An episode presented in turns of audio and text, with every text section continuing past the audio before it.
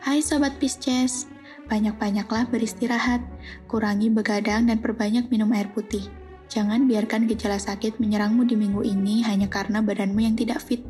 Melakukan olahraga ringan 15-30 menit sehari dan mengonsumsi suplemen bisa meningkatkan imunitasmu. Percintaan untuk Sobat Pisces Lovebird. Ajak pasanganmu ke tempat yang sederhana, karena momen romantis tidak hanya didapatkan dari tempat yang mewah kan? It's not about where it all take place, but it's about the person. Bener nggak? Untuk sobat Pisces yang masih single, jika tidak memiliki pasangan, kamu bisa curahkan isi hatimu kepada sahabatmu. Jangan dipendam, lepaskan saja. Lagi pula namanya sahabat pasti sudah sangat dekat kan? Jadi, apalagi yang perlu dilakukan untuk diceritakan?